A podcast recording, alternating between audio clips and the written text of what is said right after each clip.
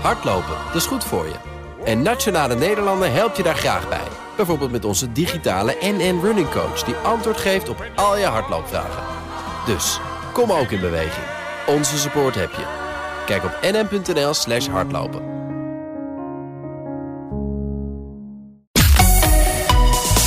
BNR Nieuwsradio. De Europa-podcast. Geert-Jan Haan en Stefan de Vries. AV, Uniegenoten, welkom bij BNR Europa, het programma van Nederland over Europese zaken met blikken naar Brussel en ver daarbuiten. Mijn naam is Geert-Jan Haan en naast mij collega Eurocommissaris Stefan de Vries. Saluto, huvalta. Communiceren, dat kunnen wij als de beste. Maar hoe zit dat eigenlijk met de Europese leiders? Met de nieuwe coronagolf en mutant in de Unie leggen wij hun leiderschap en communicatiekunsten eens langs de meetlast. Macron, Draghi, Hugo de Jonge, Portugese generaals, Roemeense orthodoxe priesters en Noord-Europese vrouwelijke premiers. Welke leider weet zijn of haar volk te doen inspireren en volgen. Eigenlijk maakt hij zichzelf een soort van Jezus die uh, de, de zonden van anderen op zich neemt hier. Hè? Dus de, ja. Rutte, de Messias, die, uh, die in zijn goedheid wel de verantwoordelijkheid wil nemen voor onze fouten. Is toch wel iets om te, om te bespreken in BNR Europa. Ja. ja, ook in onze langere BNR Europa podcast. Want wat is de rol van cultuur en historie van grenzen en van de autonome gevoelens? Deze aflevering duiken we dus dieper opnieuw in de coronamaterie. En we sluiten onze uitzendingen altijd af met onze eigen eigen Europese hitparade.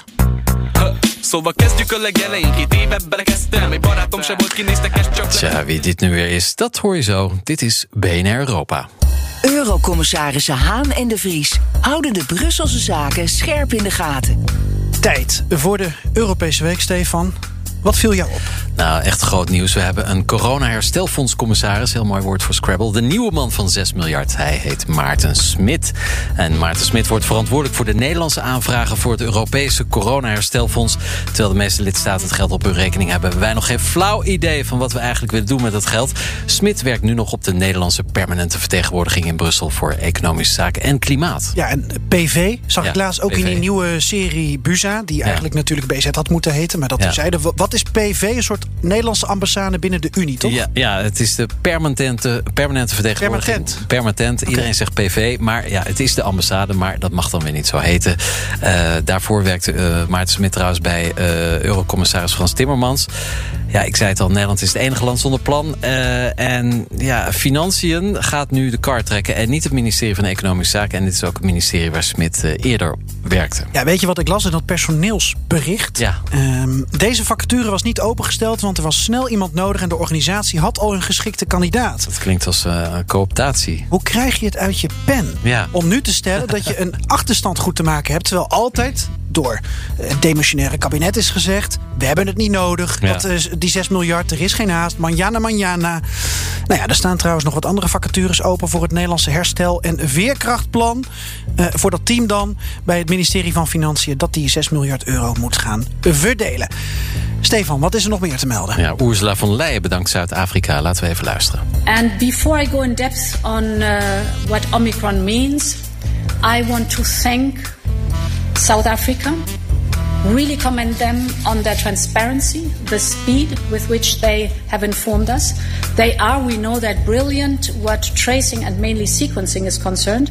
So this is outstanding what they have done. Ja, bedankt en de groeten, want we laten geen vliegtuigen meer binnen. Nee. Het is toch een beetje apart, hè, die complimenten van von der Leyen. Ik denk wel dat uh, het feit dat die Europese landen zo snel die grens hebben dichtgegooid, dat dat wel hierachter zit. Hè, om nog even heel erg met dank uit te spreken voor dat geweldige werk dat die Zuid-Afrikaanse wetenschappers hebben gedaan. Ja, want zij zelf zijn heel boos in Zuidelijk Afrika. Want zij zeggen, ja, we worden nu gestraft voor onze transparantie. Neocolonialisme. Ja, ja. kan ik wel iets bij voorstellen. Nou, dit uh, zei von der Leyen in haar corona-update van vanmiddag, woensdagmiddag. En ze gaf trouwens ook haar visie in het kort op het fenomeen vaccinatieplicht. It is understandable and appropriate to lead this discussion now. Um, how we can encourage and potentially think about mandatory vaccination um, within the European Union. This needs discussion. This needs um, a common approach But it is a discussion that I think has to be led. Ja, mooi voorzetje voor ons gesprek van zo dadelijk. Von Leijen komt zo nog één keer terug als we het over boosters gaan hebben. Ja, wij gaan even naar Zweden. In onze vorige uitzending, vorige week melden we dat Zweden voor het eerst een vrouwelijke premier had. En heel kort na onze uitzending nam Magdalena Andersson, want daar ging het om, alweer ontslag. Heel onbeleefd. Dat ze niet ja, was er een verband? ik weet het niet, maar ze had het ons even kunnen melden. Super onbeleefd. Maar nu heeft Zweden opnieuw een vrouwelijke premier. De, de, tweede dus. En zij heet, even tromgeroffel. Oh, we hebben het ook echt wat goed. Magdalena Andersson. Ja, ze is weer terug. Haar eerste taak eh, van de Zweedse premier is de nieuwe begroting rond krijgen. Maar als dat niet lukt, dan staat ze misschien opnieuw op straat. En misschien, zal wel op, misschien zelfs wel al op het moment dat u deze uitzending als podcast beluistert. Dan het Europese Digital Certificate, oftewel het groene paspoort, oftewel de Corona Check App. Het klonk zo mooi sinds 1 juli kunnen we weer uh, vrij reizen door Europa met die app. Maar vanaf 1 december kunnen we hem eigenlijk alweer deleten. Dat is vandaag op het moment van opname. Ja, klopt. Dus hij kan weer weg. Hij kan eigenlijk weer weg. Portugal heeft besloten om een extra PCR-test te eisen aan alle Europeanen. Ook al heb je dus de corona-check-app, ook al heb je vaccinatie. En ja, daar zijn we weer eigenlijk een beetje terug bij af. Alle landen doen weer een beetje wat ze zelf willen. En dat was nu juist de, niet de bedoeling toen de Europese Commissie met deze corona-check-app kwam. Dus het is weer uh, ieder voor zich? Ja, eigenlijk wel. Het is uh, weer behoorlijk ingewikkeld allemaal. Have you got boosted yet? Make me a promise. Just go do it now. Go on. Bonus. Bonus. No, no, come on. I'll walk in with you. Come on. Ja, tijd voor Ranking the Booster. Dit uh, is een Britse vriend, zit niet meer bij de Unie, maar meneer Javid, die uh, volksgezondheid managt in het uh, VK, die was een journalist aan het overtuigen van de boosteren. En dat brengt ons dus even bij onze tijdelijke rubriek Ranking the Booster. Want Stefan, Ranking the Vaccins, dat was onze vaste prik. Ja. Riemen vast, booster up. Hoe gaat het? Nou, dat hangt er heel erg vanaf in welk land je woont. In het begin van de vaccinatiecampagne eerder dit jaar liep steeds Hongarije voorop. Nou, dat is nu weer het geval. 25% van de volwassen bevolking heeft daar al een boosterprik gehad. Het EU-gemiddelde is nu 10%. Portugal en Frankrijk op ongeveer 11%. Ja, en Nederland, doe eens een gok. Geert-Jan, waar staan we op? Ik ken niemand met een booster, maar het zal wel onder het EU-gemiddelde zijn. Dus een procentje of vijf? Ja, dat zou mooi zijn. Maar je hebt wel gelijk. Het is onder het Europese gemiddelde. Ver eronder zelfs. Wij staan op 0,6 procent. U kunt bellen naar 020 592 ja, mocht nou, je de booster hebben gehad. Stichting, correla Stichting Correlatie is volgens mij eerder uh, hier uh, de beste telefoonlijn voor al dit leed. Want het is maar 1 twintigste van Frankrijk en slechts 1 vijftigste van Hongarije. Dus je kan eigenlijk wel zeggen, uh, het is, het is schaamteloos. We staan zelfs onder Bulgarije. Echt helemaal onderaan. We are glad to see that booster campaigns have started in many member states now. Ja, niet ja. bij ons, mevrouw von der Leyen. nee, helaas inderdaad. En wat nu? De, ja, wat nu, uh, Gert-Jan? Aan de voorraad kan het in ieder geval niet liggen. Er liggen 250 miljoen doses in de ijskast in de Europese Unie. Er komen er iedere maand 100 miljoen bij. En uh, ik heb wel een kleine oplossing. Wie uh, niet wil wachten op Hugo de Jong of de GGD... of een, een van die militairen die misschien gaat prikken... die kan een soort Antillenroute nemen. We hadden het er in het begin van het jaar ook al over. Ga gewoon je prik over de grens halen. En dat geldt nu ook weer voor de booster. Jij was vorige week in Oostenrijk. Je had hem daar kunnen ja, krijgen, toch? Um, ik doe het ergens de komende weken in Frankrijk. Maar uh, je kan het ook al proberen in België of Italië. Uh, en dan heb je dus je booster ver voordat de rest van Nederland dat heeft. En dat is dan ja, toch weer Europa. Allemaal weer niet zo ingewikkeld. Nou, long live Europe. Voilà. Tijd om naar de gasten te gaan. Geert-Jan Haan en Stefan de Vries. Communicatie en leiderschap. Regelmatig vragen wij ons af waarom overheden, premiers en presidenten communiceren zoals ze communiceren en hun burgers luisteren zoals ze luisteren. Met de oren gespitst, met half oor of het ene oor in en het andere direct de man weer uit. Ja, en onze gasten hier geven enige context vanavond vanuit communicatief, historisch en cultureel perspectief. Ik stel ze aan u voor. Onze digitale communicado is Lars Duurman. Hij is Duursma. Debat, Duursma, pardon. Neem niet kwalijk, uh, Lars Duursma. Debat- en communicatie-expert. en je kent hem tegenwoordig ook van de podcast De Communicado's. Uh, we hebben ook contact uh, met onze verre Oostzee-correspondent Koen Verhelst. Want ten noorden van ons land ligt wellicht ons voorland. En hier in de studio Thomas Huttinga voor de broodnodige culturele, historische en politieke context. Je bent onder andere auteur van Aan de Europeanen van vandaag en morgen, de vertaler, als ik het goed heb, en een inleiding. Welkom Thomas Huttinga hier in Amsterdam. Welkom ook de andere twee heren. Laten we beginnen met jou, Lars. Hoe zou jij in deze coronacrisistijd leiderschap en communicatie in Europa willen omschrijven?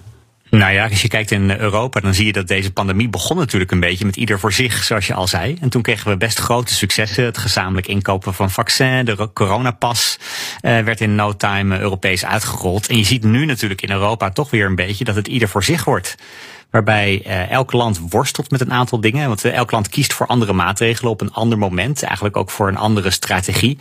Um, en de grootste uitdaging is, hoe krijg je draagvlak voor strenge maatregelen en hoe geef je toch de bevolking weer perspectief? Um, hoe zorg je dat we het gevoel hebben dat, uh, dat in een land we toch met z'n allen voor elkaar krijgen? En je ziet dat in heel veel lidstaten dat op dit moment de grootste worsteling is. Ja, Thomas Huttinga, jij let naast de politieke context ook op uh, culturele en historische aspecten. Even een voorzetje voor de rest van de uitzending. Wat valt jou op? Nou, wat je in het algemeen kunt zeggen is dat geschiedenis en cultuur op de achtergrond een rol speelt. Uh, hoe die verschillende landen zich verhouden tot de coronamaatregelen. En het biedt ons ook eigenlijk een spiegel om te kijken hoe kijken wij als bijvoorbeeld Nederland naar onszelf. Hoe kijken we eigenlijk naar uh, andere Europese volkeren. En vandaar genoeg interessante dus om het vandaag met jullie over te hebben. Ja, Stefan en ik volgen de corona-aanpak in Europa al langer.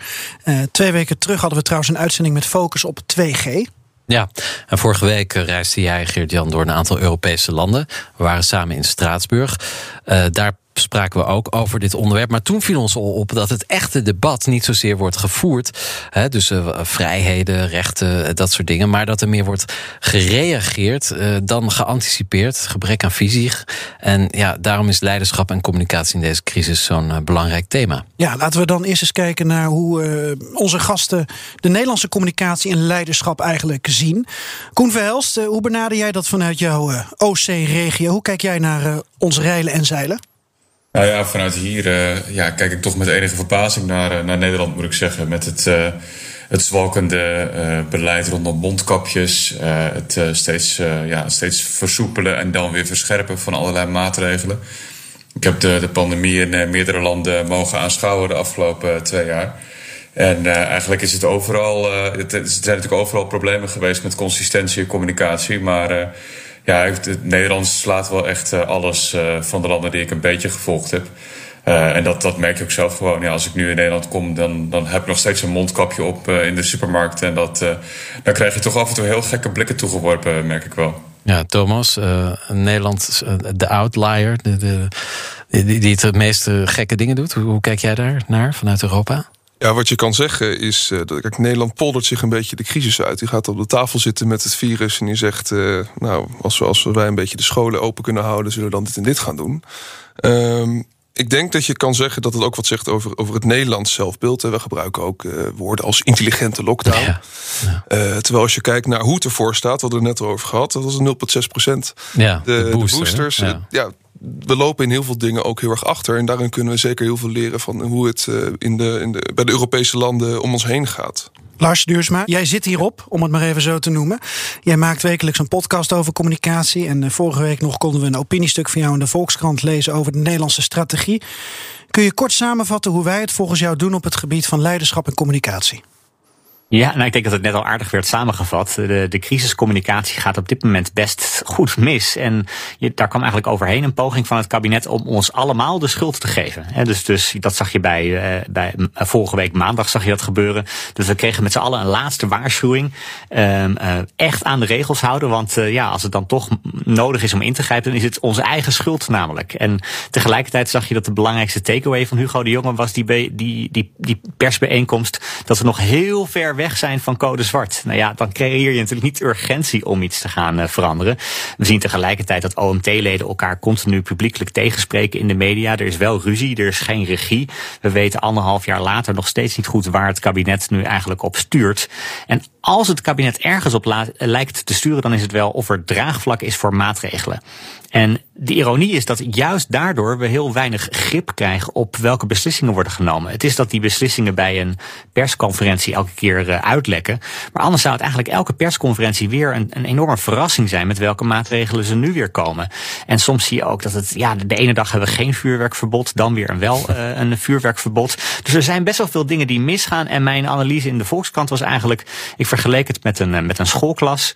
Als in een schoolklas één of twee kinderen niet doorgaan, ja, dan, dan ga je kijken wat er met die kinderen aan de hand is. Maar als meer dan de helft blijft zitten in een klas, ja, dan ga je op een gegeven moment toch kijken naar de leraar of naar de school. Nou ja, kijk, in Nederland hebben we op dit moment een situatie waar meer dan de helft zich niet aan de regels houdt. Ja, dan kunnen we die mensen de, de schuld geven. Of je moet op een gegeven moment ook al gaan kijken waar dat aan ligt en of het leiderschap op dit moment wel op orde is. Maar is dat niet ook typisch Nederlands? Je ziet het ook met parlementaire enquêtes, de toeslagenaffaires. Iedere keer is het eigenlijk de conclusie: we zijn allemaal schuldig, dus niemand is verantwoordelijk. Kun, kun je dat als typisch Nederlands omschrijven?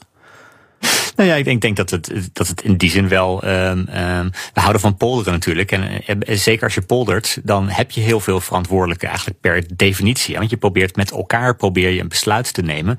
Dus dan zie je dat, uh, dat een klein beetje de, de regering de verantwoordelijkheid heeft. De OMT heeft, heeft een beetje de verantwoordelijkheid. De RIVM heeft een beetje verantwoordelijkheid. De Tweede Kamer heeft een beetje verantwoordelijkheid. Wij zelf dus kennelijk ook nog eens. Ja, dus niemand ik echt. Ik denk dat dat wel ja. een, een gevolg is van het poldermodel in Nederland ook wel. Ja, laten we even een stukje noordelijker gaan. Je bent ook half Deens, dus dat betekent dat je deze ja. vrouw kent. Velkommen til endnu et pressemøde her i Statsministeriet denne gang om den aktuelle og desværre bekymrende udvikling i coronasmitten. Ja, statsminister, die term ken ik nog uit Borgen. Uh, kun jij aangeven, Lars? Born, ja. uh, Born, sorry. Uh, kun jij aangeven wat je, wat je aan Denemarken en premier Frederiksen, want die hoorden we, opvalt? Nou ja, in de, in de strategie vallen natuurlijk een paar dingen op. Ik vond bijvoorbeeld de coronapas heel interessant hoe die is aangekondigd. Een heel belangrijk verschil ook met, uh, met Nederland. Kijk, in Nederland hebben we heel lang gewacht met die coronapas. Totdat het eigenlijk bleek dat te weinig mensen gevaccineerd waren.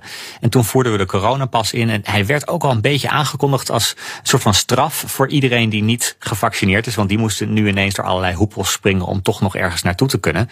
In Denemarken werd het eigenlijk precies andersom gedaan. Denemarken heeft als een van de eerste landen in de wereld heeft, hebben ze zo'n coronapas ingevoerd. En ze zei dat ook eigenlijk. Dat is een manier om de samenleving, samenleving open te houden. Dus ze bracht het heel erg als een manier om te zorgen dat we wel met z'n allen nog heel veel dingen kunnen doen. En ja, dat, dat is een hele andere manier van het communiceren. Ze hebben toen ook gezegd van op het moment dat genoeg mensen gevaccineerd zijn, dan stoppen we er ook mee. Nou, je ziet nu met de Delta variant dat ze ook daar natuurlijk in Denemarken soms terug moeten komen op een uh, belofte. Dus daar gaat niet alles perfect. Maar een hele andere manier van aankondigen. Maar wat mij bijvoorbeeld ook heel erg opviel in Denemarken is, um, je hebt niet in Denemarken bij die persconferenties van die icoontjes op, uh, op, het, uh, op de katheders staan zoals in Nederland, hè, waar we eerst drie en later vier icoontjes hadden. Maar als je de website bekijkt van het coronabeleid in Denemarken, dan zie je wel vier icoontjes staan. En ik vond het leuk om die even met jullie door te nemen. Om te kijken wat het verschil is met Nederland. En er is een heel groot verschil met Nederland. Je hebt vier icoontjes. De vierde die, die gaat over dat je handen moet wassen. En een, mondkapje moet houden. Afstand moet houden. De derde gaat over dat als je ergens naartoe wil. Dat je niet vergeet je coronapas mee te nemen. De tweede is... Uh, uh, als je symptomen hebt of bij iemand bent geweest die besmet is geweest. Laat je testen. Maar wat is de eerste? Hebben jullie enig idee? Wat, wat is de belangrijkste um, uh, ja, regel eigenlijk in Denemarken om te voorkomen dat het virus zich verspreidt? Thuis blijven? Ik heb geen idee. Ja, dat zou ik ook denken. Thuis blijven. Thomas, jij een idee? Hikken, hikken, hikken. Hikken, gezellig maken. Thomas blijft ook stil, dus uh, verlos ons. Oh, Koen weet het misschien wel als Deen. Als halve, sorry, als uh, Scandinavië-correspondent.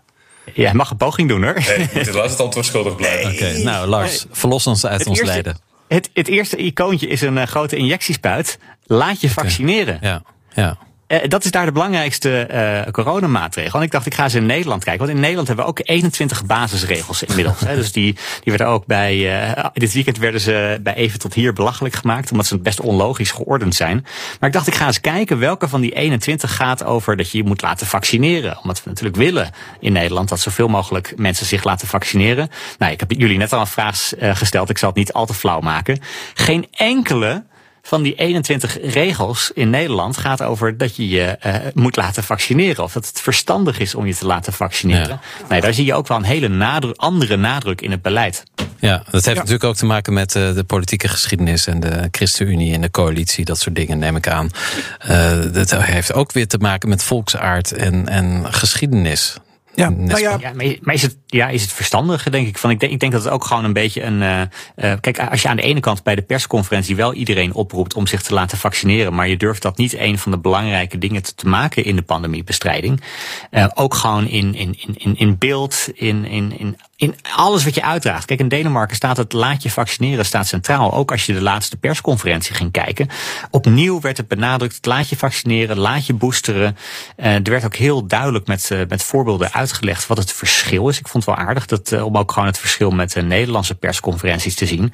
er wordt ook gewoon echt met cijfers aangetoond dat vaccins werken. Ja. En ze zei bijvoorbeeld met de Felixen bij de persconferentie, als je kijkt naar 12 tot 15-jarigen, dan zie je dat van degenen die gevaccineerd zijn, 48 van de 100.000 uh, Deense kinderen uh, corona hebben.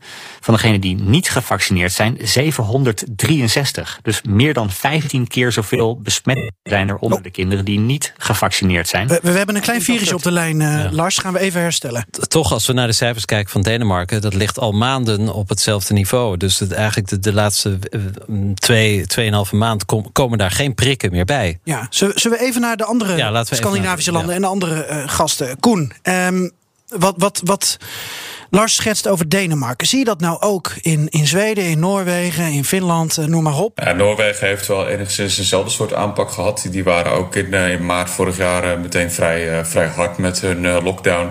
Grenzen dicht en zo. En ook heel lang de horeca dicht gehouden. veel langer dan Denemarken ook nog de scholen dicht gehouden. Uh, Zweden is natuurlijk bij ons allemaal beroemd geworden vanwege de, de, de zeer ja, lakse aanpak, zou je kunnen zeggen. berucht bijna.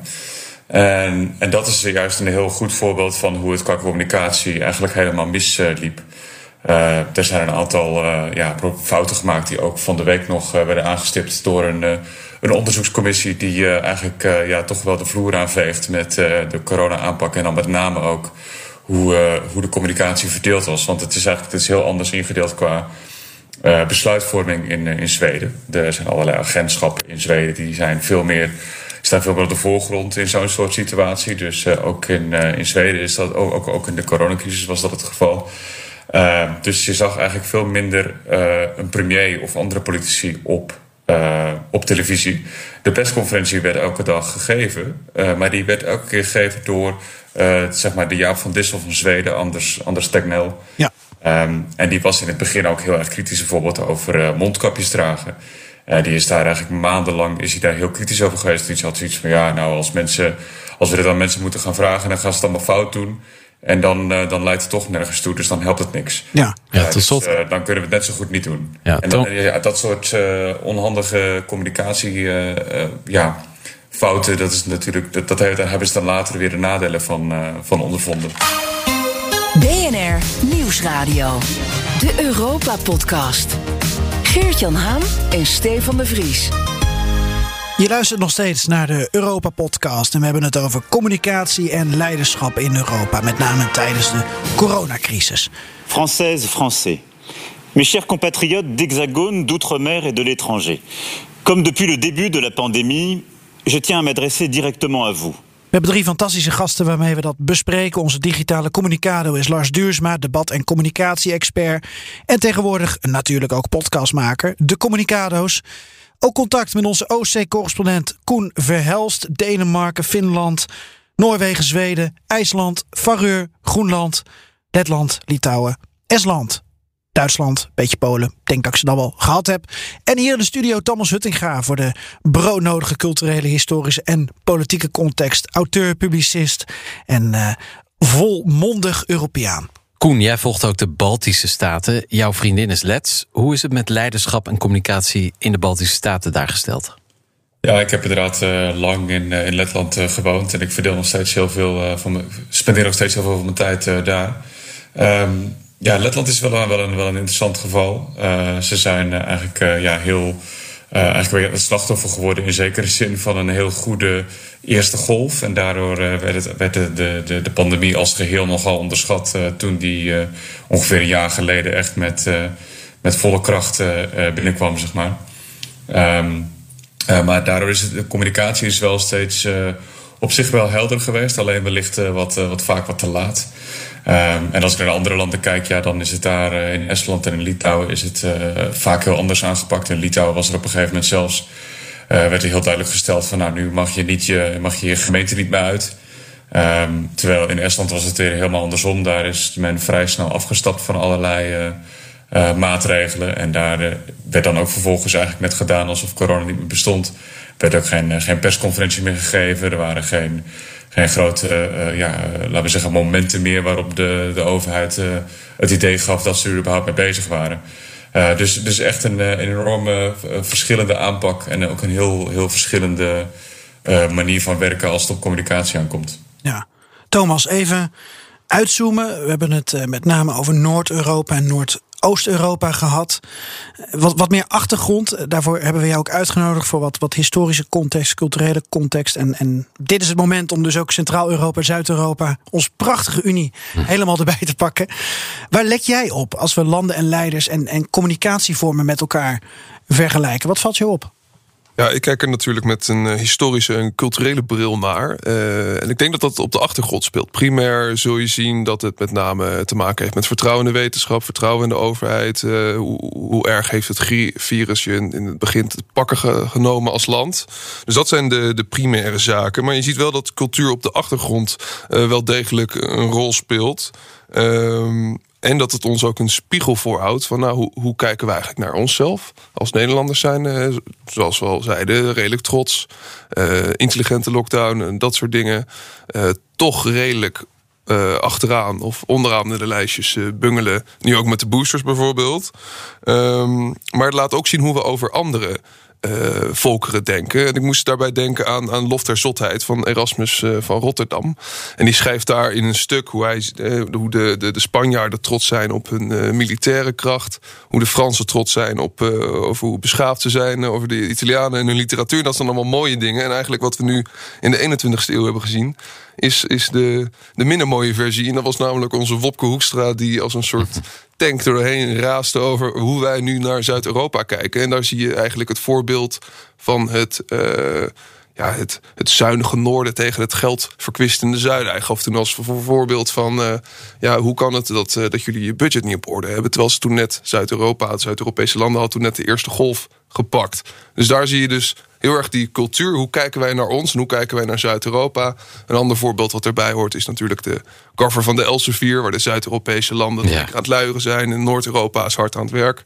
Dat is een voorbeeld waar je die cultuur heel erg terug ziet komen. En niet op de manier zoals onze Erasmus dat. Cultuur of meer uh, clichés en stereotypen die eigenlijk helemaal niet kloppen. Beelden wat wij van andere landen hebben. En beelden ook hoe, hoe wij onszelf zien. Ja. Als inderdaad de hardwerkende Nederlander die alles goed op orde heeft. En ik denk dat, dat Het nu... kortste werkweek ter wereld, de Nederlanders. Ja, en ik denk dat het ook een goed moment is ook om ook in die spiegel te kijken. En inderdaad zeggen, nou, we vinden onszelf hè, dat het heel goed gaat. Maar er gaan ook dingen niet goed met de boosters. En, uh, Maar dan, dan zeg je dus eigenlijk ook dat, dat wij hadden onszelf in Nederland niet kunnen voorstellen dat we die coronacrisis slechter zouden managen dan die Zuid-Europese landen.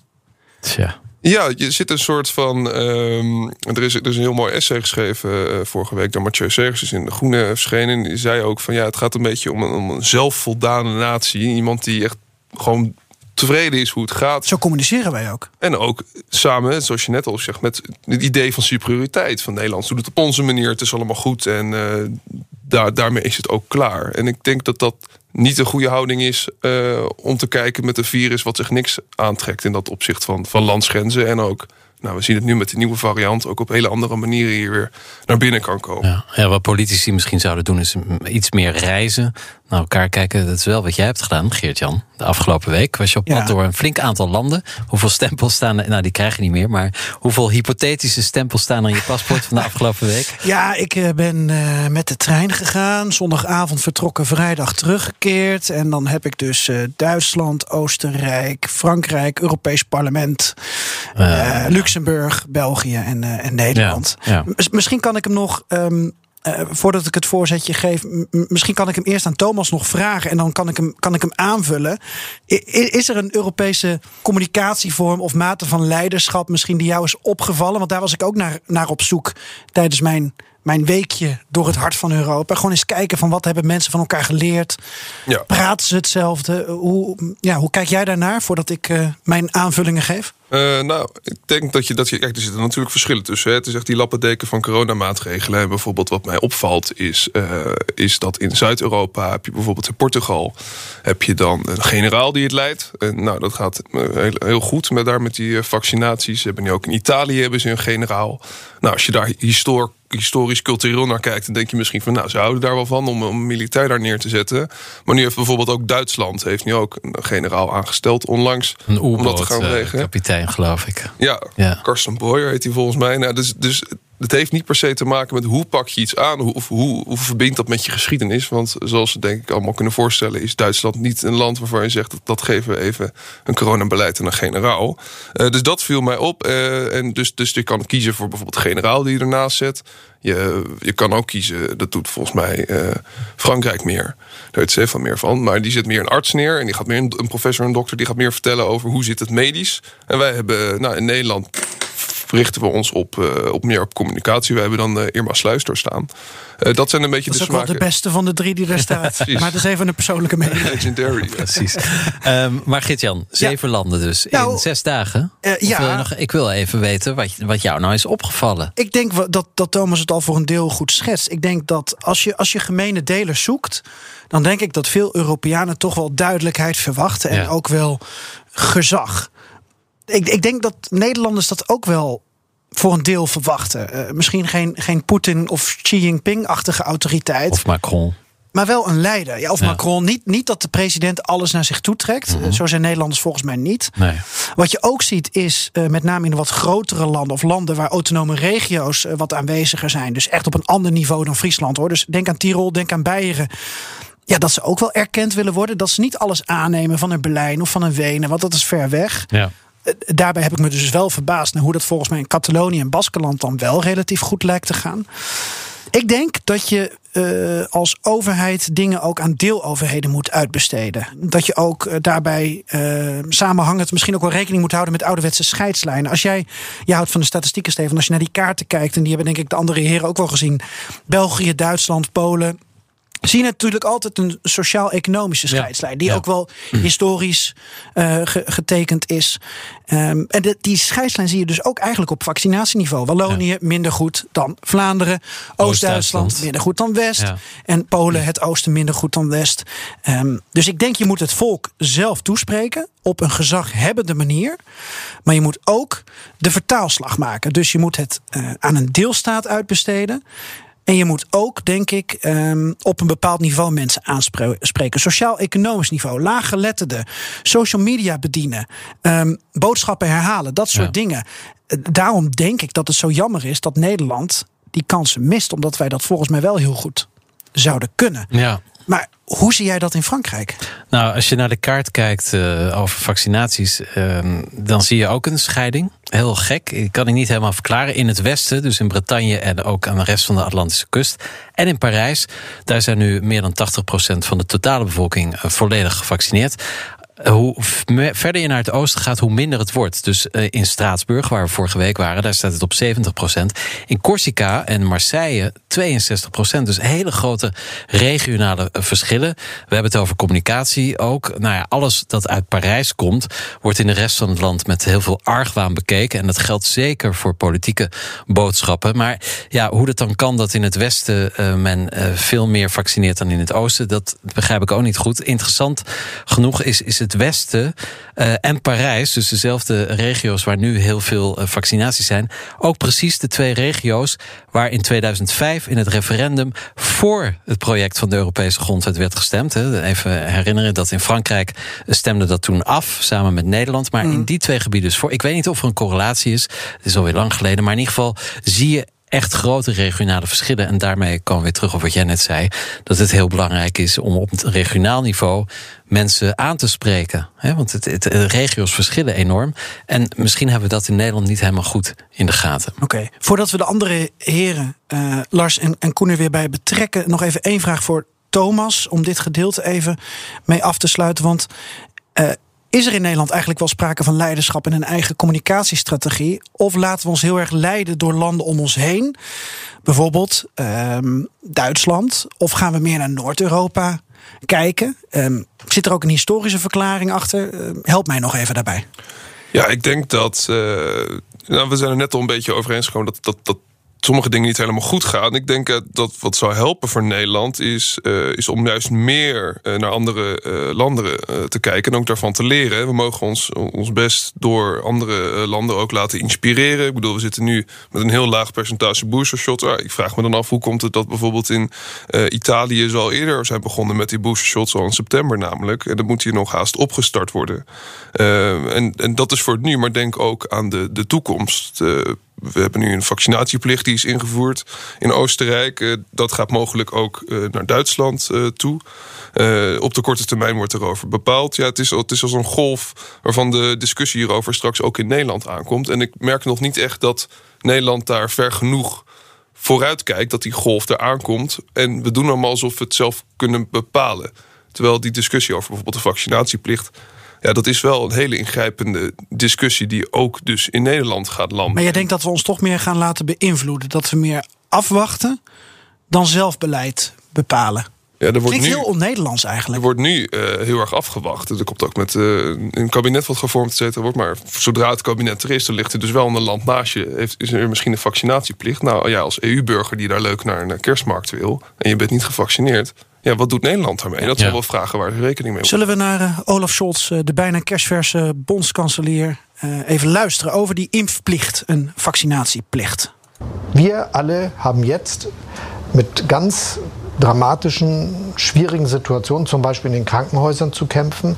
Die Männer und Frauen, die Frauen und Männer, die in den Intensivstationen der Krankenhäuser arbeiten, ob das nun das Pflegepersonal ist, die Ärztinnen und Ärzte, die sind damit konfrontiert, dass weil sich zu viele nicht haben impfen lassen, jetzt dort so viele in den Intensivstationen sind. Und deshalb ist es doch auch eine jetzt unter diesen Umständen, wo wir genug Impfstoff haben, moralisch vertretbare Position zu sagen, um uns alle zu schützen, ist das jetzt mal ein Fall, wo auch möglichst alle sich impfen lassen. Ja, we moeten ons uh, allemaal inzetten dus om ons allemaal te beschermen. En daarom spreekt de bijna uh, bondskanselier Olaf Scholz van een impfplicht, een vaccinatieplicht, of, of toch niet helemaal, Lars Duursma?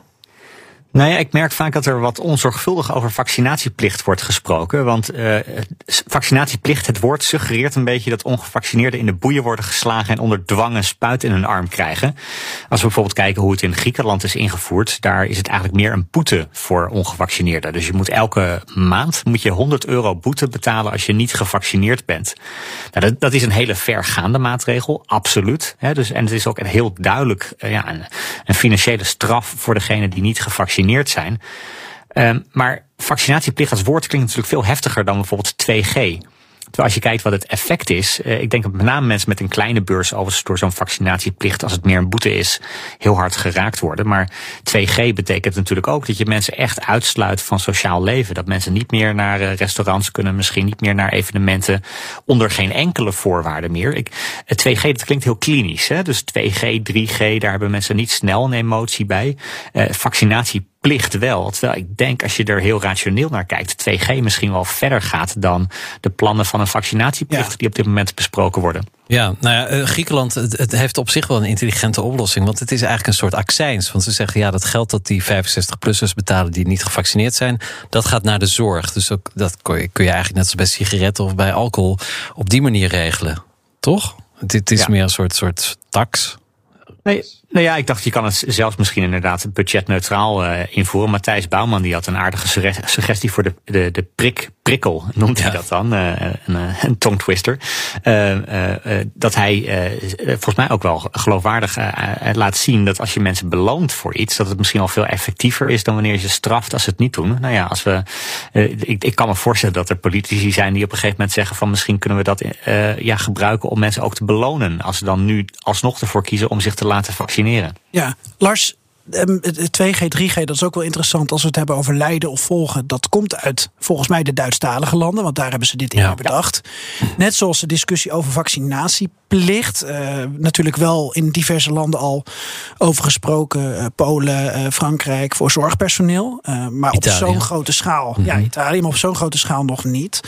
Um, jij, jij, zei van tevoren tegen mij: vaccinatieplicht is qua communicatie en leiderschap misschien wel een, een interessanter thema dan bijvoorbeeld die discussie over 2G of 3G uh, leiden. Uh, waarom is dat volgens jou? Nou ja, ja, ja precies, precies eigenlijk om, de, om, om wat ik net probeerde aan te geven. Dat, dat je ziet dat uh, plicht, dat, heeft, dat roept hele zware emotie op. He, al direct een heel gepolariseerd debat. Dat heb je natuurlijk voor tot zekere hoogte ook gezien bij 2G, 3G. Uh, maar 2G, 3G roept gewoon alleen al door die hele abstracte klinische verwoording roept het al minder emotie op volgens mij. Dus ik denk dat in die zin um, kun je ook afvragen of het, of het slim is om erover te beginnen. Ik dacht bijvoorbeeld vandaag toen, uh, toen Van der Leyen erover begon, dacht ik ook van oeh, uh, ik, ik weet niet of het verstandig was om dat woord in de mond te nemen. Want je, je hebt in Amerika heb je een, een term die heet de, de third rail of politics. Er zijn bepaalde dingen waar je als politicus beter niet over kunt beginnen, omdat je, je eigenlijk al direct weet dat je ontzettend veel weerstand gaat uh, krijgen. Die third rail of politics, dat is een beetje bij de metro heb je die derde rail waar alle, alle stroom doorheen gaat, zeg maar. Als je die aanraakt, dan word je geëlektrocuteerd. ja, dat, dat heb je ook bij bepaalde onderwerpen politiek. Dat je af moet af kunt vragen of je daar je vingers aan wil branden. Dat is in Duitsland natuurlijk bij de afgelopen verkiezingen heel erg gebeurd met de pensioenen. En de, ja, de, de Duitse AOW eigenlijk. Hè, dus die, uh, waar beloftes zijn gedaan die uh, heel lastig, uh, ja, heel lastig waar kan maken. Um, en ja, dat zie je wel vaker gebeuren. En ik, ja, ik kan me voorstellen dat in ieder geval Europees het niet handig was om over die vaccinatieplicht te beginnen. Nee, maar Lars, leiderschap, is dat dan volgens jou een decreet afkondigen naar Portugees model? Ik, ik zat deze zomer in een taxi in Lissabon en ik vroeg naar de taxichauffeur. Taxichauffeurs mag je nooit gebruiken als journalist. Toch doe je maar het. toch doe ik het lekker. Maar hij zei, ik, ik vroeg van, goh, hoe komt het toch? Want deze zomer had Portugal hele goede cijfers. Ik zei, ja, hoe is dat gebeurd? Hij zei, ja, we hebben iemand van het leger uh, is, uh, is, is in charge. En uh, in dit land moet je gewoon iemand hebben van het leger. Dan weet je zeker dat het goed gaat en niet de politici. Um, of dat is één manier. Het is goed gegaan. Ja. Ze hebben natuurlijk een, een, een geschiedenis met dit dicta een dictator. Um, of, of is een leiderschap uitgaan van draagvlak onder de bevolking, het, het Nederlandse uh, toverwoord. Of allebei. Of allebei, Ja. een mix. Ja, allebei. En nou, ik denk dat je inderdaad wel uh, het heel cultureel bepaald is wie mensen geloofwaardig vinden. Hè. Dus ik denk dat in, een generaal in Portugal het beter zou doen dan in Nederland. Hoewel ik me best kan voorstellen dat als generaal van UM de leiding krijgt over een uh, bepaald project, dat misschien mensen dan toch wel uh, dat zouden geloven. Ja, is misschien een minder goed idee. Je mag de muziek doen. Ja, precies. Maar je, ziet in Nederland bijvoorbeeld dat uh, volgens mij om die reden bewust gekozen is om uh, Fijke Sijbesma naar voren te schuiven. Hè. Toch iemand met, uh, met een track record in het bedrijfsleven, de baas geweest van DSM. Hè. Dus die, um, die werd heel erg naar voren geschoven. Ik denk puur ook om die reden om geloofwaardigheid te creëren. Ik denk dat je ziet dat in Nederland al heel snel mensen als Diederik Gommers geloofwaardigheid kregen in de media. Waarom? Nou ja, we vinden een iemand die zelf in het ziekenhuis werkt toch geloofwaardiger dan een politicus of misschien zelfs dan een viroloog. Want een viroloog is toch ook niet automatisch degene die je dan geloofwaardig neemt. Want die zien we toch een beetje als mensen die achter hun bureau modellen zitten, zitten te bestuderen. Dus ik denk dat dat wel heel belangrijk is. Als je terugkomt op je vraag van wat is dan echt, hoe, wat is de rol van draagvlak? Ik denk dat je niet uh, um, op, op de lange termijn iets kan doen wat totaal geen draagvlak heeft. Hè. Dus als jij de hele, een hele andere kant op loopt dan het volk, dan, dan komt dat niet goed. Maar je ziet in Nederland wel dat heel vaak achter het volk wordt aangelopen. Hè. Dus dat pas tot een maatregel wordt overgegaan nadat er draagvlak voor een bepaalde maatregel is. En dat is het vervelende, denk ik, in, nu in de, in de coronasituatie. Als je pas iets doet op het moment dat er draagvlak voor is, dan ben je ook heel vaak te laat. Ja. En dus daarom denk ik dat het toch wel slim was geweest om ook dingen te durven doen nog voordat er draagvlak voor was. Ja, waar is een goede dictator als je hem nodig hebt, hè? Zou je zeggen. Ik weet niet, Thomas, werd ons Nou ja. dit weer uh, historisch terug in die tijd? Ja, kijk, het, grote verschil is natuurlijk dat die coronamaatregelen democratisch gelegitimeerd zijn. Dus die, die vergelijking uh, gaat niet per, per, se op. Er was vorig jaar volgens mij was er nog wel een situatie waarbij uh, Orbán in Hongarije toen even de noodsituatie had uh, aangekondigd. Nou, toen hielden we wel een beetje ons hart vast van draait hij het ook weer terug? Dat heeft hij ook weer gedaan. Dus in dat opzicht wordt daar geen misbruik van gemaakt. We houden elkaar allemaal in de gaten.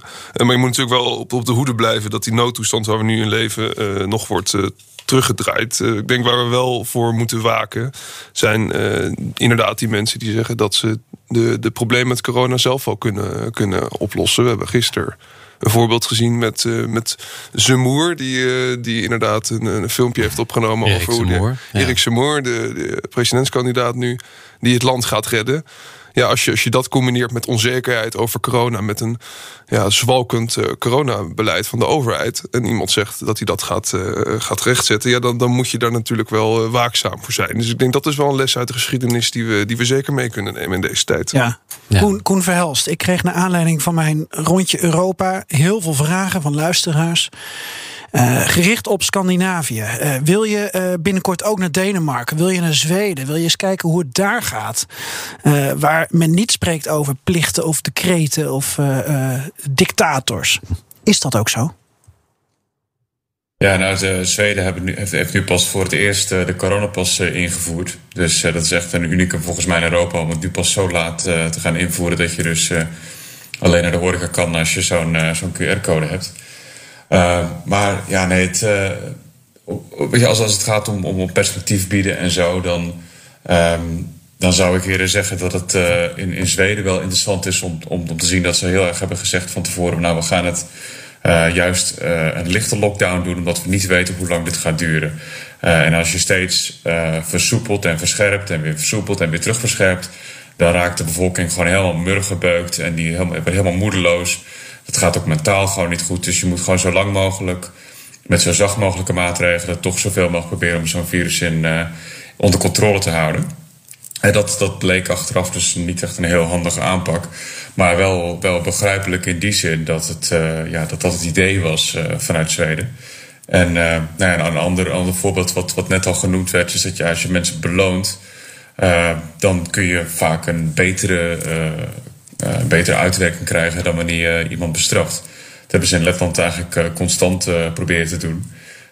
door bijvoorbeeld heel snel zo'n COVID-app te lanceren. Letland was het eerste EU-land dat een COVID-app had, waarin je dus met zo'n Bluetooth-communicatie kon bijhouden of je in de buurt was geweest van iemand die besmet is geweest. Um, en was ook het eerste land dat de QR-code invoerde.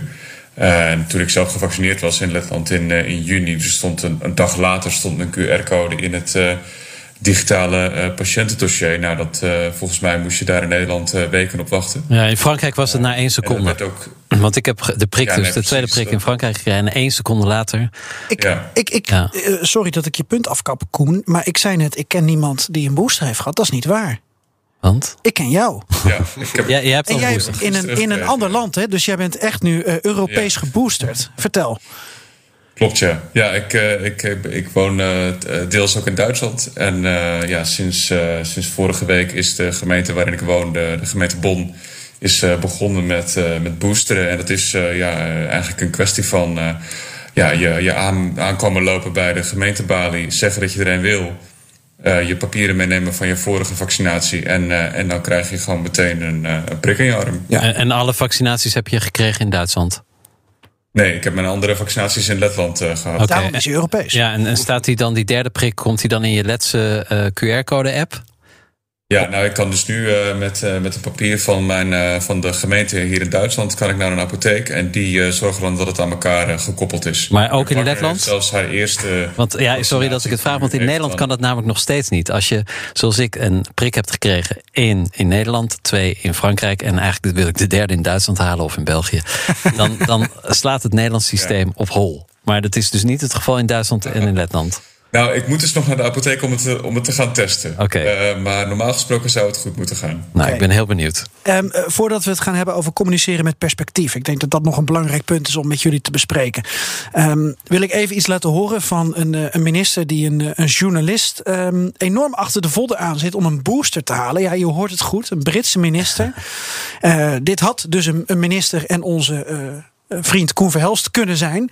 Uh, luister even mee. Ik ben benieuwd wat jullie hiervan, hiervan vinden. Het is dus geen vaccinatieplicht, maar een persoonlijke boosterplicht. Have you got boosted yet? No, I'm 64 and I've still not had it. You have? Why not?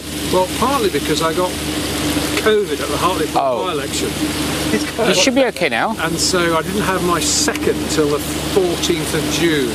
So under the six-month rule, that takes you to the 14th of December. But under the new rule, you'll be okay. Yeah, exactly. Uh, they open till 8, I think. Oh, in fact, they might give it to you now if you walk in. You think so? Yeah, yeah, yeah. I've got to go back to work then. No, do, do, it. Can you make me a promise? Sorry? Make me a promise. Just go and do it now. I'll see. I'll see. Go on. bonus, bonus. No, no, just I'll, I'll, I'll, tell the office. No, you go, go in. there. Do you want me to go with you? Ja, dit, dit is clientelisme puur sang, hè? Ongelooflijk. Lars, wat vind jij hiervan? Ik denk dat het hier inderdaad uh, uh, uh, ook wel belangrijk is dat, dat, dat mensen het goede voorbeeld geven. Dat zie je bijvoorbeeld in Nederland, vind ik, als we dan als het over, het over journalisten hebben, valt me altijd op dat als je beelden ziet in de Tweede Kamer, dat niemand daar een mondkapje draagt in de live shots. Dus dan zie je zo'n geluidsman zie je, zie je op, op, op één meter van de politicus staan, of de cameraman zonder monddoekje. Of, maar dat zijn de regels. Dat ze onder dus zijn neus hebben. De regels worden gerespecteerd, ja. Ja, dan, denk ik, maak ze, maak ze net wat strakker en strenger in de Tweede Kamer, zodat elk shot dat daar wordt opgenomen het goede voorbeeld geeft. Ja, als we het gaan hebben over politici die het goede voorbeeld gaan geven, dan, dan kunnen we de uitzending heel kort maken. Maar nog, nog even terug naar Portugal, Lars. Um, ja. jij viel, het viel jou ook op dat er sprake is in dat land van communiceren met perspectief, vooruitkijken. Dus leg dat uh, aan ons uit. Nou, ik denk dat uiteindelijk hebben we um, behoefte aan een aantal dingen. Hè. We hebben behoefte aan grip, dat we weten uh, onder welke voorwaarden bijvoorbeeld welke maatregelen worden doorgevoerd. Um, en we hebben behoefte aan een, een, iets meer perspectief. En je ziet in Nederland dat heel vaak um, alle maatregelen, alle communicatie gaat over de komende twee, drie weken. Uh, soms met een valse belofte ook wel. Hè, dus dat Rutte dan tijdens de persconferentie laat vallen dat uh, um, we, we, dit doen zodat we weer met z'n allen kerst kunnen vieren op een normale manier. Dan denk ik van oeh, dat kan je volgens mij echt niet hard maken. Dat kan je al helemaal niet beloven.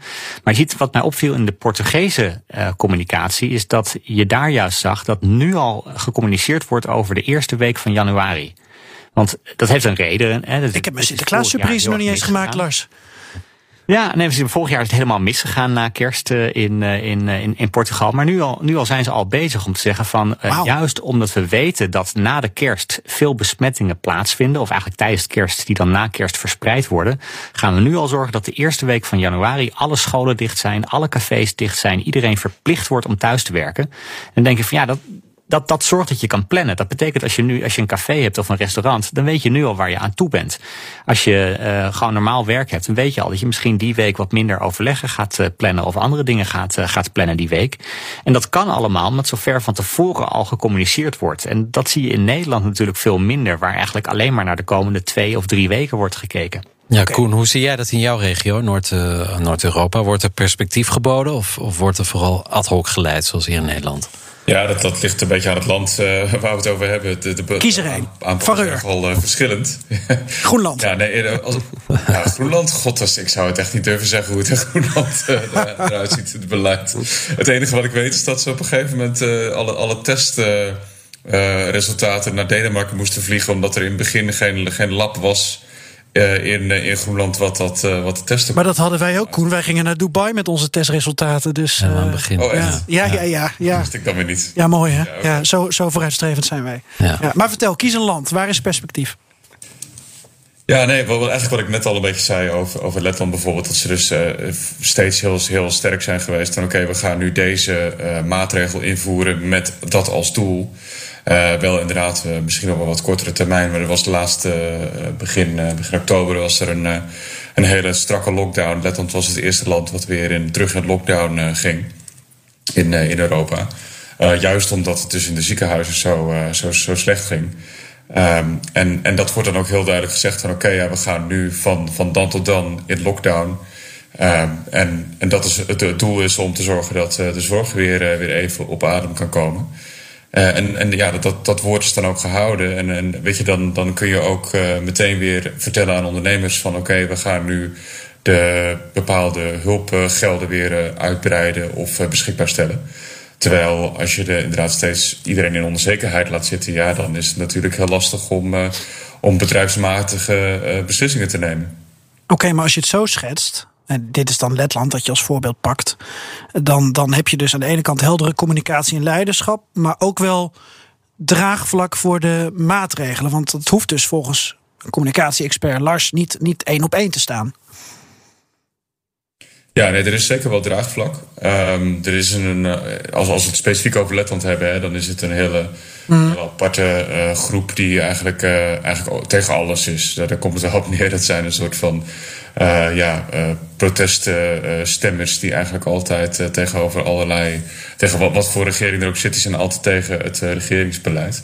En ook, het is een heel, heel, het is een vrij, laten we zeggen, vrij gemiddeld vrij oude samenleving. Dus de protestbereidheid is ook heel, heel erg, heel erg laag. En ik denk dat de meeste uh, letten gewoon eigenlijk vrij gelaten zijn richting de politiek. En, en toch over het algemeen uh, ja, dit soort beslissingen over zich heen laten komen. En, en het min of meer accepteren.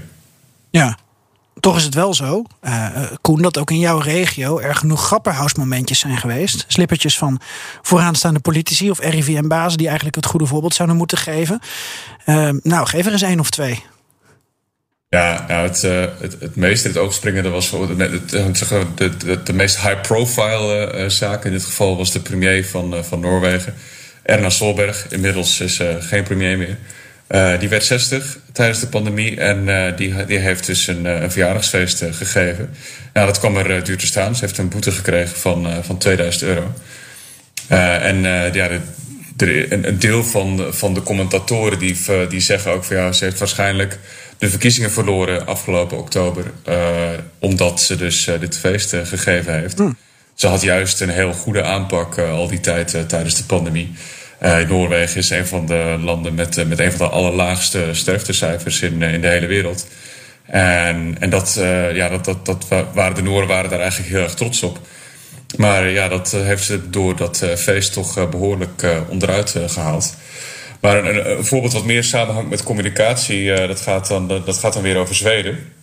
Want uh, daar, uh, dat, zei ik eerder al, dat, daar hadden ze nogal een, ja, nogal een moeilijke verhouding met, met mondkapjes vanuit het, het Volksgezondheidsagentschap. Um, en op een gegeven moment was er wel dus een regel van: oké, okay, we gaan nu wel mondkapjes invoeren. Maar alleen in het openbaar vervoer en alleen in de spits, s ochtends en s avonds. En alleen als het op een niet gereserveerde plek is.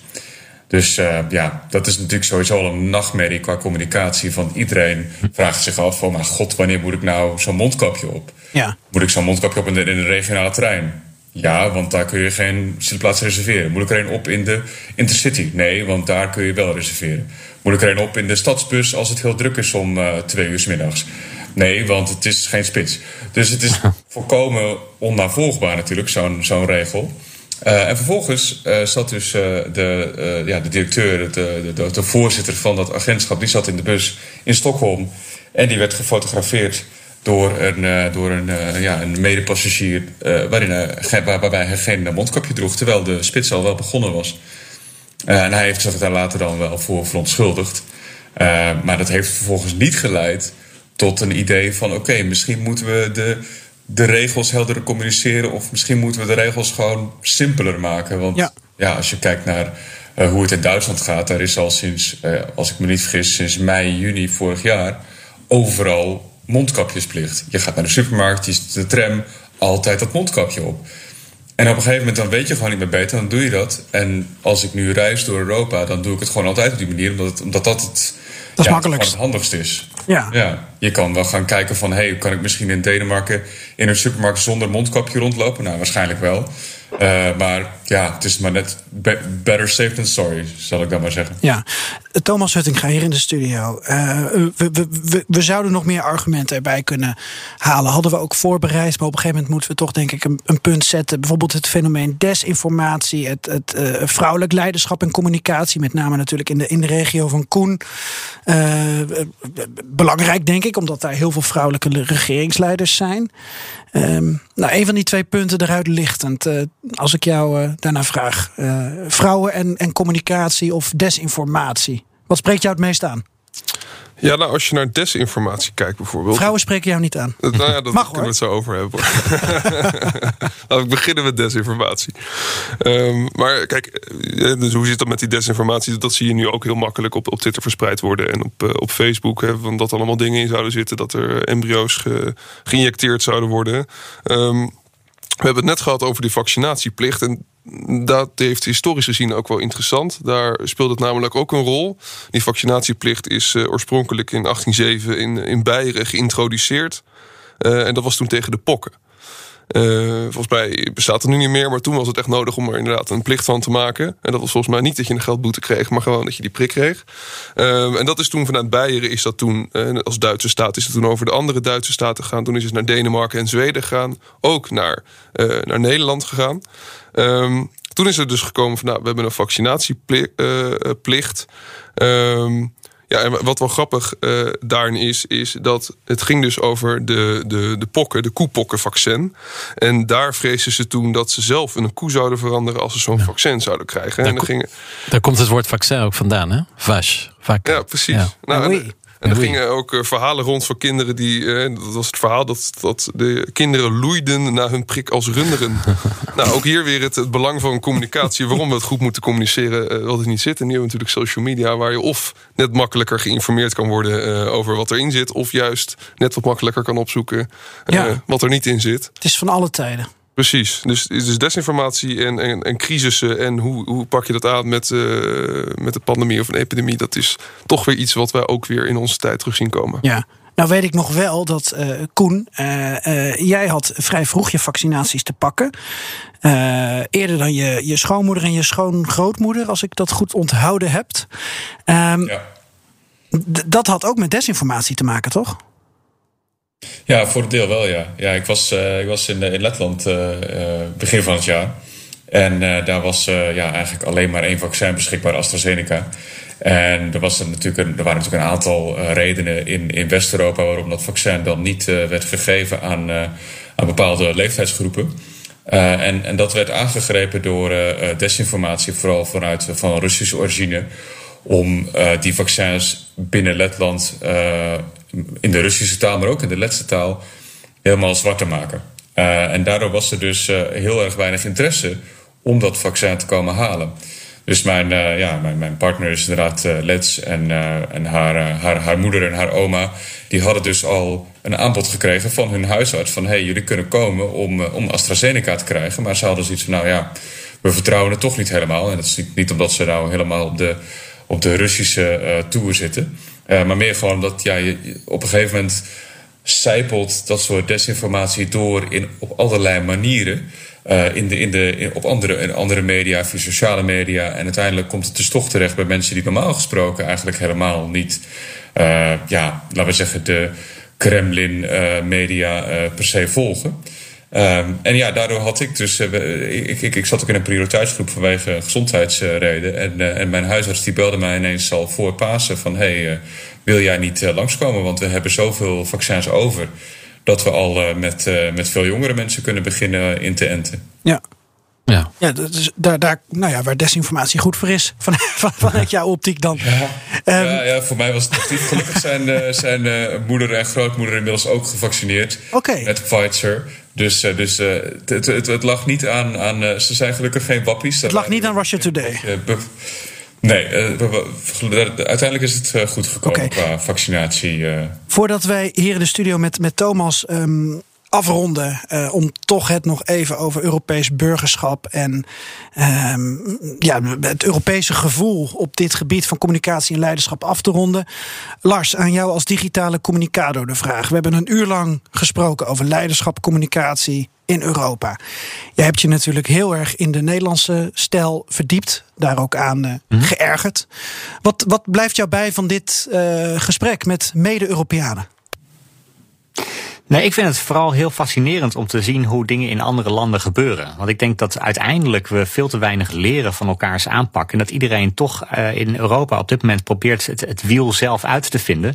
En ik denk dat we wat vaker gewoon over de grens zouden moeten kijken in hoe dingen aangepakt worden. Ik, ik merkte zelf bijvoorbeeld dat ik het ook heel leuk vond om eens naar zo'n Deense persconferentie te kijken. En dan niet alleen naar het artikel erover, maar gewoon de hele persconferentie om te kijken wat daar gebeurt. Want dan pas zie je wat er gebeurt als je in, in, in Frankrijk bij, een, eh, bij de persconferentie eh, kijkt, dan zie je dat ze het podium opkomen lopen met een mondkapje op. Ja, dat, dat geeft ook direct een ander signaal dan wanneer je dat doet zonder mondkapje. En dus handgel. Ik, ik, vind het. Ja, en handgel dus om hun handen te desinfecteren. Dus ik vond met name dus de, de, ja, de, de vergelijking over de grens vond ik gewoon echt eh, interessant. Om, omdat we veel meer van elkaar kunnen leren dan, uh, dan, dan we op dit moment doen, volgens mij. Ja, dat, dat is een soort rode draad, denk ik, door alles wat, wat we doen en vooral niet doen. Maar in toch vroeg ik me tijdens mijn reisje door Europa af of we nog wel of we één Unie zijn, ja. of we 27 landen zijn. Sterker nog, ik had best wel het idee van tijdens deze crisis zie je dat Europa eigenlijk gewoon uit, uit tientallen of misschien wel honderden regio's bestaat. Ja. Uh, uh, Thomas, jij hebt ooit gezegd uh, dat je in je studietijd in Parijs Europeaan bent geworden. ik, ik ik waag dat toch een beetje te betwijfelen tijdens deze crisis dat je Europeaan bent. Nou, kijk, je hebt dus twee dingen, denk ik. Je hebt de, de corona-aanpak van uh, verschillende landen. En je hebt inderdaad uh, dat, dat gevoel om Europeaan te zijn. Kijk, er zitten, zullen altijd verschillen tussen zitten. Maar bijvoorbeeld in het Verenigd Koninkrijk hebben ze ook verschillende aanpakken. Tussen wat Ierland doet, wat Wales doet, wat Engeland doet. Je hebt dat, uh, we zien je Duitsland, die vecht elkaar bijna de tent uit. Met, met verschillende delen uit het land. Je ziet dat binnen Italië dat dat ook nog wel lastig is tussen Noord en Zuid. Dus in dat opzicht altijd wel tegenstellingen zijn. Maar goed, het feit dat dat zo moeilijk is om politiek de handen op elkaar te leggen, betekent niet dat we nu zeggen van nou, uh, we stoppen met Duitsland of, uh, of, of, we zijn er klaar mee of iets dergelijks. Um, dus dus ja, die, die verschillen die we zien, inderdaad, tussen die landen of die regio's, dat is in principe niet per se uh, erg. ik denk dat wat wel nodig is, is, zoals inderdaad net al werd gezegd door Lars van ja, moet het wiel uh, proberen we nu een beetje zelf uit te vinden. Het laat ook juist die verbondenheid zien met dat we net doen alsof we eilanden zijn. En er komt er straks een, vaccinatieplicht over waaien of, of een discussie over 2G. Uh, eh, ik denk dat daar ook, als we het over communicatie hebben, echt iets voor politici ligt om dat ook beter te communiceren. Hoe afhankelijk wij ook zijn van wat er in het buitenland gebeurt. En als dat niet gebeurt, dan is het net van of we zijn te laat, of het is er ineens. Um, dus, dus ik denk dat het belangrijk is om, om, om te benadrukken uh, dat wij ook gewoon die verbondenheid delen. En inderdaad ook met de Duitse solidariteit het feit dat wij dan eerder in, een lockdown zouden moeten, omdat onze capaciteit het niet redt. En dan wordt er wel in Duitsland worden er uh, uh, Nederlandse uh, coronapatiënten opgenomen daar in het ziekenhuis. Je zag het ook in Oost-Europa dat ze patiënten van elkaar worden overgenomen. Daar, daar zit nog wel die, die solidariteit in. En, en het lastige is dus voor de toekomst. we hebben nu dus die fase gehad in het begin dat de grenzen werden dichtgegooid. Europa moest zichzelf even hervinden. De, de, staten die zeiden van nou, wij gaan eerst even kijken wat het virus doet. Nu komen we eigenlijk in een, in een moment dat je zegt van nou, hoe, hoe verhoudt dat zich door elkaar als nu één land een vaccinatieplicht invoert en een ander niet? En hoe verhoudt dat zich met wat, wat Nederland gaat doen of niet?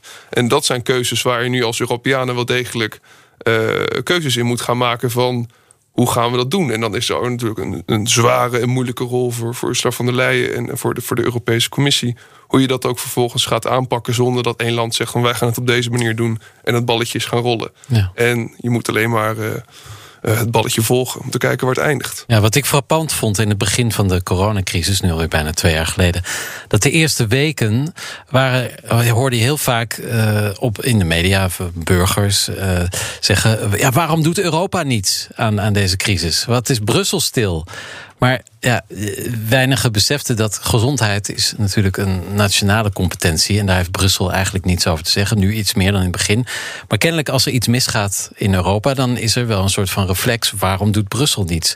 Is, is dat ook het begin van een soort van Europees burgerschap? Europees demos? Ja, nou, ik denk inderdaad wat, wat daarvoor belangrijk is, is dat het laat zien de kracht van de lidstaten. Als nu Frankrijk in Duitsland zeggen we gooien de grenzen dicht, dan gaan die grenzen ook dicht. En dan Brussel kon daar heel moeilijk tussen komen. Dat is uiteindelijk wel gebeurd. En toen gingen de vrachtwagens konden weer doorrijden.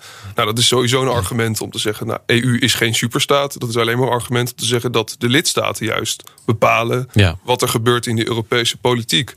Ehm, je merkte in het begin wel dat daar wel. Toen zaten we echt binnen, dus toen had je echt die harde lockdown. Toen zat er inderdaad echt het gevoel van. Uh, we zitten hier toch wel met z'n allen binnen. Uh, daar zag je ook beelden uit Italië binnenkomen met, uh, met, met de, de, vele doden die daar kwamen. Ja, uh, hoe inderdaad Bergko, hoe er geklapt wordt voor de zorg en hoe er in Nederland geklapt werd.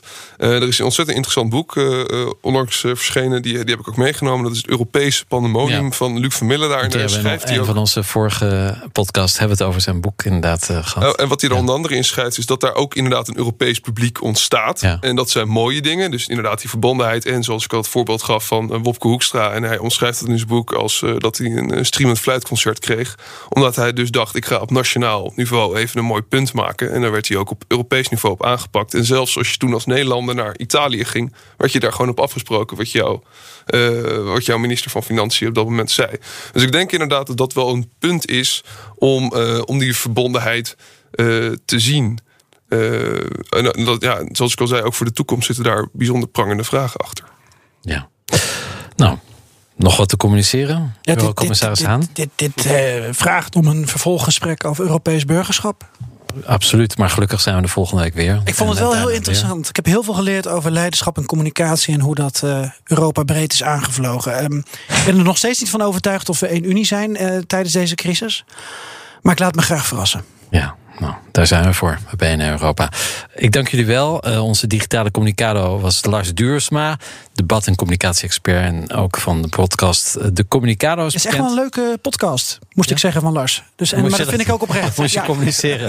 Oké, okay, De Communicado's. Um, we hadden ook contact met onze OSC-correspondent Koen Verhelst. En hier in de studio Thomas Huttinga voor de broodnodige culturele, historische en politieke context. En jij hebt het mooie boek van Stefan Zweig vertaald aan de Europeanen van Voor, vandaag voorzitter van, hè, van die stichting. Yes, ja. ja. Ook een echte Europeaan natuurlijk. Een echte Europeaan. Ja. En uh, ja, zoals misschien wel alle Europeanen uh, pleegt hij uiteindelijk zelfmoord. Uh, gedesillusioneerd. Maar goed, ja. laten we die weg niet opgaan. Dan, dan wacht ik nog even met fulltime Europeaan zijn. ja. Als je dat oké okay vindt. Dank jullie wel, trio heren. Dank jullie wel. Ja. De nummer 1 in... Zoals iedere aflevering besluiten we met de Europese hoogcultuur. En elke keer denk ik weer van potverdorie zijn we net lekker op stoom met dat lange gesprek. Komt die rotmuziek weer langs? Stefan, wat heb je Sorry, nou weer uitgekozen? Sorry, het is mijn schuld. Laten we even luisteren.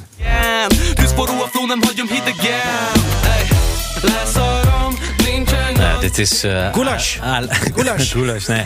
Ale. En het oh. liedje heet Ninchangont. En dat betekent geen probleem in het Hongaars. Want ja. daar staat dit op nummer 1. Het klinkt mij een beetje als Eminem in de jaren 90. Maar kennelijk is dat het stadium waarin de Hongaarse muziek zich op dit moment uh, bevindt. Ik vind het wel lekker. Het is natuurlijk wel heel stereotyp dat ik weer Goulash roep. Hè? Sorry jongens. Ja. Het is wel rottaal, het Hongaars. Wil je dit nummer nou langer horen? Dat kan in onze playlist op Spotify met alle nummer 1 uit dit programma. Even zoeken op BNR Europa nummer 1. En de link staat ook in de show notes. En een lange versie met nog veel meer Europese achtergronden van deze uitzending is beschikbaar als podcast op bnr.nl en op alle bekende podcastplatforms later vanavond. Dank voor het luisteren. Volgende week woensdag zijn we weer live. En dan komen we weer vanuit een hol van de leeuw in het Europees Parlement opnieuw. Dit keer in Brussel, als we daar tenminste naartoe kunnen reizen.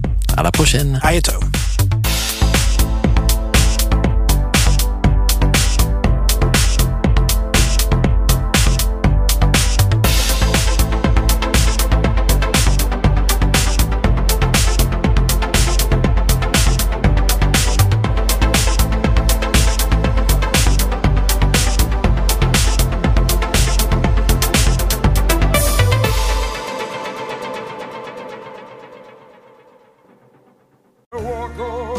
Hardlopen, dat is goed voor je. En Nationale Nederlanden helpt je daar graag bij. Bijvoorbeeld met onze digitale NN Running Coach... die antwoord geeft op al je hardloopvragen. Dus, kom ook in beweging. Onze support heb je. Kijk op nn.nl slash hardlopen.